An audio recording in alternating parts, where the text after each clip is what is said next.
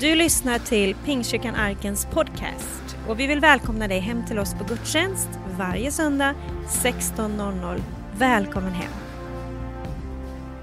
Halleluja Jesus, vi tackar dig att du har namnet över alla namn Jesus. Tack att du besegrade döden Jesus och tack att du har gett den segern till oss. Vi tackar dig Jesus att vi får tillhöra dig och vara dina barn Gud. Vi älskar dig. Jag tackar dig att vi får bara stanna upp och lovsjunga dig och prisa dig och att du är god, du är värdig vår sång. Jag tackar dig Jesus för det. Välsigna nu denna stunden i Jesu namn. Amen, amen. Grymt! Underbar lovsång, vilken fantastisk lovsång vi har i den här kyrkan. Jag är så glad att få bara lovsjunga tillsammans som en kyrka, var man än är, om man nu sitter vid datorn eller hemma i soffan eller vad det nu kan vara, att vi kan få göra det tillsammans ändå i de här tiderna. Jag eh, ska tala om ett ord idag eh, och jag ska tala om att förtrösta på Gud och förtrösta på Gud mer än vad vi förtröstar på människor och mer än vad vi förtröstar på varandra faktiskt. För det finns någonting i Gud som gör att han inte, han sviker inte. Han är en Gud som inte sviker, han är trofast. Och eh, i det här så vill, vi, så vill jag att vi ska gå in i Jesu liv och kolla i Jesu liv. Vad var det som, som motiverade Jesus? Hur levde Jesus? För vi säger ju alltid att Jesus, han är, han, vi sjöng, Jesus han är hörn, hörnstenen, Jesus han är, han är nog för oss, Jesus är svaret. Bibeln säger så här att i, i Hebreerbrevet, att på, i forna tider, alltså innan Jesus, så talade Gud till oss via profeter och via lagen och så vidare. Men så står det någonting, så står det, men i den sista tiden har han talat genom sin son. Så det finns en gammal låt, Jesus han är svaret och alla svar finner vi i Jesu liv. Han som är den osynlige Gudens avbild. Så det är så viktigt att bara ta tid och studera och tänka efter vad var det som motiverade Jesus? Vad var det som, som han levde av? Vad var det som vad, hur levde han helt enkelt? Hur levde han? han Jesus kom, han, han var Gud men han var också fullt människa på samma sätt och han modellerade, om jag kan säga så, han var en modell för hur vi kristna faktiskt ska leva. Och sen säger han, följ mig. Och om vi nu ska följa Jesus, då gäller det att studera vad, hur han levde, eller hur? Han kallade oss människor till ett nytt liv. Men jag vill tala idag utifrån det, ifrån Jesus liv, men att förtrösta på Gud. Och vi ska se i, ur Bibeln hur, hur Jesus hade det. Så vi ska gå till Johannes evangeliet kapitel 2, vers 23 till 25, så ska vi läsa tillsammans och börja här. Då står det så här att medan han var i Jerusalem, detta talar om Jesus då, under påskhögtiden kom många till tro på hans namn när de såg de tecken han gjorde. Men själv anförtrodde han sig inte åt dem eftersom han kände alla och inte behövde någon höra någon vittna om människan. Han visste själv vad som fanns i människan. Jag tycker det här är ett väldigt, väldigt intressant bibelpassage där Jesus har gjort mycket under och den stod det många personer som har kommit till tro på honom. Men så står det någonting intressant, det står men själv anförtrodde han sig inte åt dem. Och det, det ordet anförtro där, jag är ingen grekisk expert, men det ordet anförtro är ett grekiskt ord, ett väldigt starkt ord som, jag ska se om jag kan uttala det, pystio. Det var väl snyggt, eller hur? Vad tycker ni? Det är, alltså, eh, det är ett väldigt starkt ord att ha sin tro på något eller förlita sig på något. Att det är ett väldigt, väldigt, den engelska översättningen säger commit, alltså man ger sig själv till, till något. Och om du söker på anförtro sig och söker på synonymer på svenska så kommer du hitta att överlämna sig åt eller att söka skydd hos. Så här var det alltså Jesus, många kom till tro, många följde honom, han var populär och han, han, han anförtrodde sig inte åt människan för han visste vad som var i människan. Det är som att Jesus själv, han vet, nu kommer de följa mig, men jag kan inte sätta min tillit till dem, jag kan inte sätta min identitet till dem, jag kan inte bygga mitt liv på dem, jag måste bygga det på något annat. Och Jesus säger också i Johannes evangeliet 5, vers 41 så här. Jag tar inte emot ära från människor. Jag känner er och vet att ni inte har Guds kärlek i er. Jag har kommit i min fars namn och ni tar inte emot mig. Men kommer det någon i sitt eget namn tar ni emot honom. Hur ska ni kunna tro när ni tar emot ära av varandra och inte söker den ära som kommer ifrån den enig, ende guden. Vad säger Jesus här? Han säger, jag tar inte emot ära av människor. Det låter kanske lite konstigt. Var Jesus oartig? Liksom, eh, uppskattar han inte att folk tycker om honom? Nej, nej, inte alls så. Och jag säger inte att vi inte ska ha en kultur av uppmuntran. Jag tror på det stenut. Jag tror på, tycker du någonting är bra, säg det. Varför inte det? Vi kan bygga upp varandra genom uppmuntran. Och, och Bibeln säger faktiskt att överträffa varandra i innerlig och eh, i innerlig aktning. Så det, det är bibliskt. Men det jag vill prata om här idag är att vi kan inte leva, vi kan inte bygga vårt liv ifrån andra människors bekräftelse eller andra, sätta vårt hopp till andra människor, utan vi måste förtrösta på Gud. Var sätter du din glädje i? Var sätter du din, din frid i? Var sätter du ditt hopp till?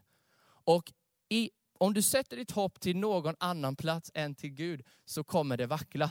Och Jesus han levde på jorden, han satte ett exempel för oss. Han sa att jag, jag tar inte emot ära från människor, jag söker den äran som kommer ifrån Gud. Och hur ser då, hur ser då det där ut? Jag tror i Matteus 3 så talar Bibeln om när Jesus ska döpas. Och, och eh, Jesus han kommer till Johannes döparen.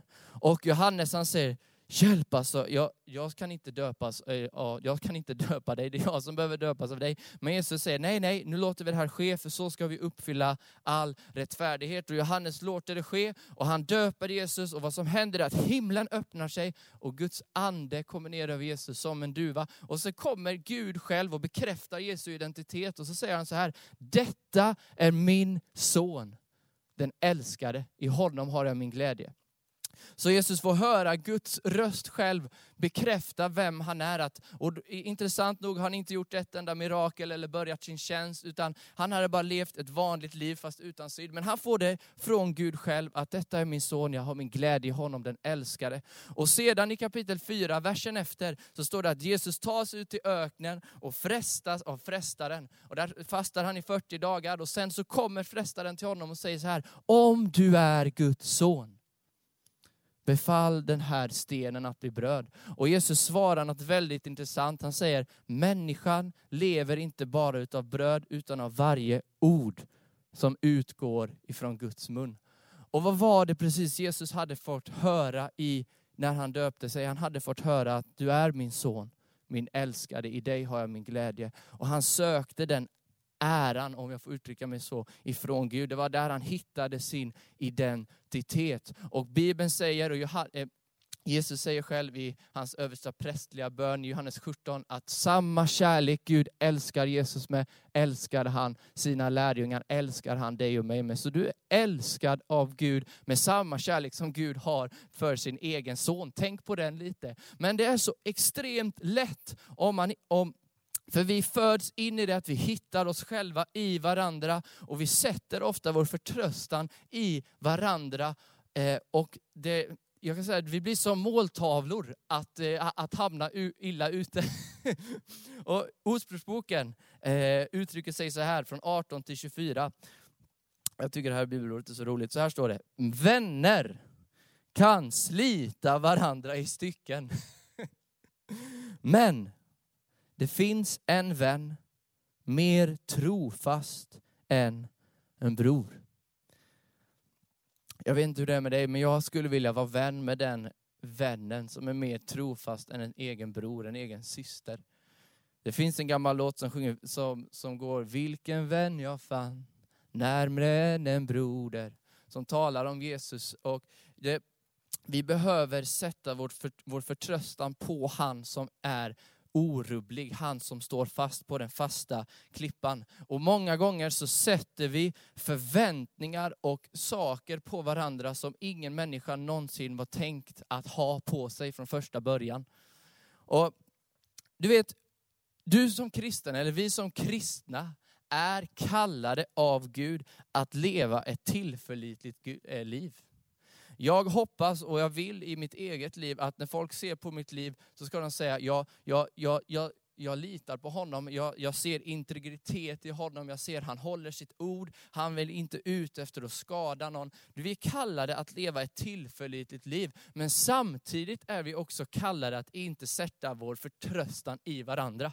Och många gånger har vi det bakåtvänt, att vi inte fokuserar så mycket på en själv och hur jag ska leva mitt liv, utan vi fokuserar mycket på andra människor och vi sätter vår tillit och vårt hopp i varandra. Och när det går kras, så går vi kras. För om vi lever av människors ära, av människors, om, om, om källan är det hela tiden i vad människor ska göra för mig, så kommer också människan ha makten att krossa mig.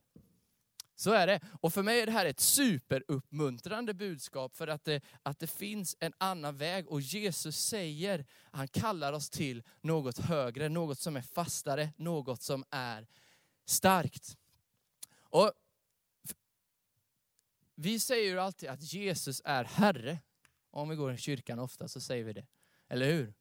Jesus är Herre. Vad är han Herre i? Han är Herre i mitt, vad? Mitt liv. Han är Herre överallt. Bibeln säger att eh, varje tunga ska bekänna, varje knä ska böja sig att Jesus är Herre. Men vad innebär ordet Herre?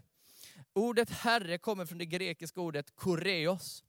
Och översätter du det på, det på det engelska så betyder det ordagrant supreme authority, alltså överlägsen auktoritet, eller en kontrollant, eller någon som dikterar. Alltså är man herre i mitt liv, han dikterar mitt liv, han bestämmer hur jag ska leva. Men många gånger, och vad vi alla är uppvuxna med, är att vi sätter och vi hittar oss själva i varandra och sätter vår förtröstan i varandra. Och när människor, eh, när människor eh, sviker, då gör vi dem till herre i vårt liv, för vi blir en, en produkt, om jag kan uttrycka mig så, av vad de har gjort.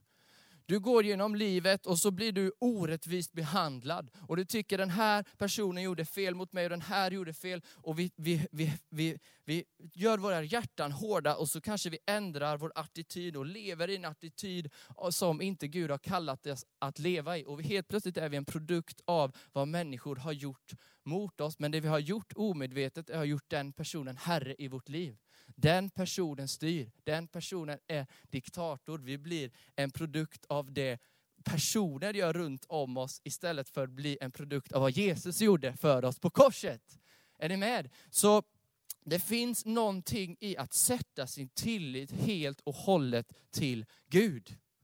Och det är inte att vi inte, liksom, jag ska åka till någon öde och isolera mig och inte ha en enda vän och aldrig, att jag aldrig ska behöva någon runt omkring mig, aldrig liksom lita på människor eller något sånt. Det blir en ensamvarg, absolut inte. Vi behöver varandra och vi ska dra det största ur varandra. Men först och främst behöver vi sätta vår förtröstan på Gud. Ibland så har vi, vi får faktiskt, eh, liksom, vi har som ibland hur ska jag säga det här så det blir rätt? Jo, vi har så mycket ursäkter faktiskt och vi har så mycket rättigheter som människor som vi tar på oss ibland, som, som gör som inte Jesus hade.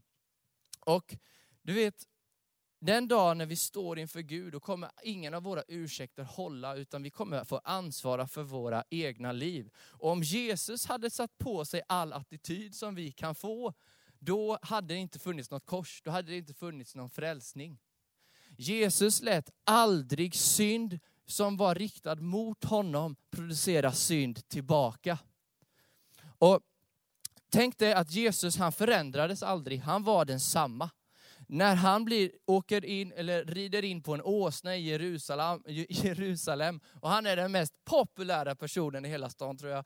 Eh, barnen ropar Hosianna Davids son och det är liksom fantastiskt och folk lägger palmblad och, och det, det, han, är, han är on top of the world. Och alla älskar honom. Men samtidigt är han exakt samma när alla hatar honom. Och när alla ropar korsfäst. Och när de sätter en, en rövare, en, en, en, en skyldig man fri och en oskyldig, han den mest oskyldiga, fri. Vi måste förstå att, att vi alla, alla, alla, alla har gjort, vi har syndat mot Gud. Vi har, Gud har all rättighet att vara sårad av oss. Gud har all rättighet att vara sårad av oss.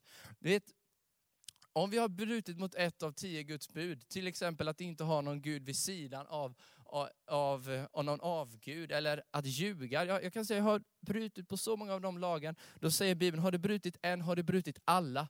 Och jag har gjort det så många gånger också med vilje. Jag vet inte hur det är med dig, men kanske du någon gång har du vetat om att det här jag gör nu är fel, men du gör det ändå.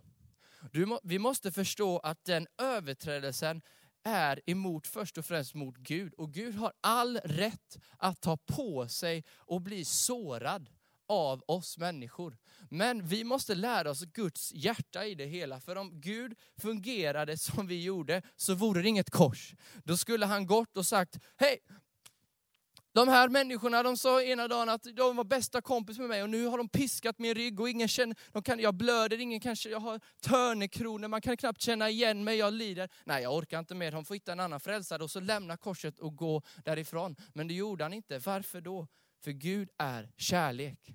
Och Gud är kärlek och sådan han är, säger Bibeln, så är också vi i den här världen. Vi är skapade till Guds avbild. När vi ser Gud ser vi det livet han har kallat oss till att leva. Och det är inte att, att du inte får bli sårad, det är inte det jag säger, eller ska leva i förnekelse av något sånt. Men frågan är, vad gör vi när vi möter oförrätter? Vad gör vi när människor behandlar oss illa? Hur är din attityd? Hur låter ditt hjärta vara? Jesus gick igenom och, och ändrade sig aldrig. Han var densamme. Om han inte vore densamme, då är det kört med oss. Och då säger du, ja men Joel, det var Jesus. Men Jesus har sagt, följ mig. Jag är ingen avancerad, avancerad person. Jag, jag, jag, jag, jag är ingen eh, högutbildad kille eller något sånt där. Jag, jag, jag ser mig själv som en väldigt enkel person. Och, och läser jag att Bibeln säger så här, om någon säger sig förbli i Jesus så är han skyldig att leva på samma sätt som han levde. Och läser jag det, då ser jag det, då tänker jag okej, okay, då är det för mig. Säger Jesus, ta på ditt kors och följ mig, då tänker jag då är det för mig. Så det här livet, det är för oss alla. Och Gud var Gud, men han var också människa, men han visade att han är kärlek. Han visade vad sann kärlek var och han visade ett sätt för oss att leva. Kärleken upphör aldrig och det är på grund av det som Jesus aldrig ändrade sig. Så här står det i första Johannesbrevet 2.10. Den som älskar sin broder förblir i ljuset. Och lyssna på det här. Och det finns inget, inget i honom som leder till fall. Så Bibeln säger, får vi en grepp om Guds kärlek som är så stor och som är så stark, så lever vi i ljuset och det finns inget som, i oss som ska göra att vi faktiskt faller. Vilket fantastiskt löfte! Och vi behöver varandra. Och det står så här i Bibeln att tillsammans så ska vi förstå höjden, bredden och djupet och lära känna Guds kärlek. Varför står det tillsammans? Varför kan jag inte lära känna den själv? Jag tror att, att tillsammans i mitt av all mänsklighet och i mitt av allting som kan uppkomma så kan vi välja att nej, jag vet att de här och de här har gjort så här och det här har jag åkat ut för nu. Men jag har inte först och främst min förtröstan på dem, mitt hopp sitter i Jesus och jag blir oförändrad. Jag ska leva i kärlek på grund av att Jesus har kallat mig att vara det. Bibeln säger så här i Romarbrevet, var inte skyldig någon någonting utom i kärlek.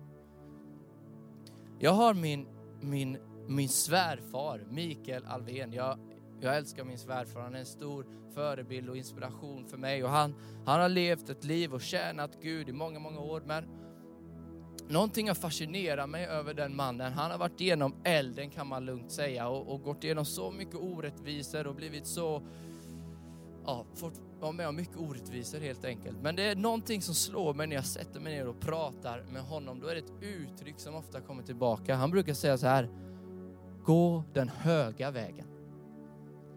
gå den höga vägen. Vi går den höga vägen. Välj den höga vägen. Men vad är den höga vägen? Hur ser det ut? Jesus säger att smal är den vägen som leder till liv. Och bred är den vägen som leder till fördärvet. Jag vet att den, den, talar om evigheten där också, att den enda vägen är, till evigheten är genom Jesus. Men jag tror också den talar om hur vi lever våra liv här. Och att, att, att en väg kan synas rätt för en människa, säger Bibeln, men till slut så kan det leda till döden. Och det kan synas rätt att sätta sin förtröstan och sitt hopp och sin källa till glädje och sin källa till, till liv och sin källa till kärlek och allt det där i varandra. Och det, vi behöver varandra och vi kan uppmuntra varandra och jag tror att vi kan, vi kan skjutsa på varandra och heja på varandra att springa längre. Men jag tror aldrig att det var tanken att vi ska kunna ta ifrån. Varför ska vi kunna ta ifrån varandra det Gud har gett oss? Vi behöver sätta vårt hopp och vår förtröstan på Jesus. När det stormar, när det står, då är Jesus densamma. Och Jesus själv, han visade exemplet som vi, som vi läste om i början, att när han var som populärast och det under skedde och alla hyllade honom, alla älskade honom i princip, så står det att han anförtrodde sig inte hos till människan. Han visste vad som fanns i, han behövde inte någon som skulle säga, han visste att det där är en torr källa, jag kan inte sätta min tillit, min tilltro, mitt hopp där. Jag måste förtrösta på något annat och det var Gud. Så vad är vi egentligen? Jag hoppas du förstår min, min poäng här, att, att om vi sätter vårt hopp till Gud, då ska inte några, någon omständighet egentligen, även fast det kan vara tufft, ha makten att förändra den du är och hur du ska vara. Du vet, du, det är inget, inget fel att känna sig sårad, men lever du sårad så lever du mindre än vad Gud har kallat dig till. Hur menar jag med det? Jo, du kan känna dig sårad, men du kan fortfarande välja den höga vägen. Du kan känna dig övergiven, men lever du övergiven? När du är accepterad från Gud. Du kan välja att leva den höga vägen. Och Bibeln, jag ska avsluta med det innan vi avslutar, eh, säger så här från Saltaren 118. Och för mig, innan jag läser det här, så är det en extrem, extrem uppmuntrande budskap. Gud pekar aldrig på oss och säger, där, och han pekar aldrig ut där vi inte är, utan snarare pekar han vad vi är kallade att vara. Så om du, se, om, du, om du hör på det här idag och känner dig att du blir lite convicted, alltså överbevisad och du känner att Gud pekar på saker i ditt liv, så, så är det mer att han pekar på, ah, här kan du vara, här kan du leva. Och det är mer som en en, en ljusglimt som går upp i mig. Bara, För jag vet själv, jag kände mig som en sån här skyltdocka innan i mitt liv. Eh, innan jag kände att Gud började lära mig, lära mig det här och att jag, jag drog så fram och tillbaka. Om, om den gjorde så, då blev jag en produkt av det. Om den gjorde så, då blev jag en produkt av det. Och det finns ingen stabilitet. Varför? För jag sätter min förtröstan, min källa till glädje, till hopp, till liv i en någonting som aldrig skulle haft den platsen i första del. Det är lätt att sjunga att Jesus är Herre, men vad betyder det i livet? Vad betyder det? Nu ska jag läsa bibelordet. Saltaren 118 och 6 står det så här. Herren är med mig. Jag är inte rädd. Vad kan en människa göra med mig? Herren är med mig. Han är min hjälpare. Jag ska se i triumf på dem som hatar mig. Och lyssna på det här. Här sammanfattar egentligen allt jag velat säga idag. Det är bättre att fly till Herren än att lita på människor. Det är bättre att fly till Herren än att lita på förstrar. Och det sammanfattar egentligen allt jag ville säga. Och tänk om vi kunde säga det med frimodighet som psalmisten säger här att jag är inte rädd. Herren är med mig. Vad kan en människa göra till mig? Det är bättre att lita på Herren, att fly till Herren, än att lita på människor.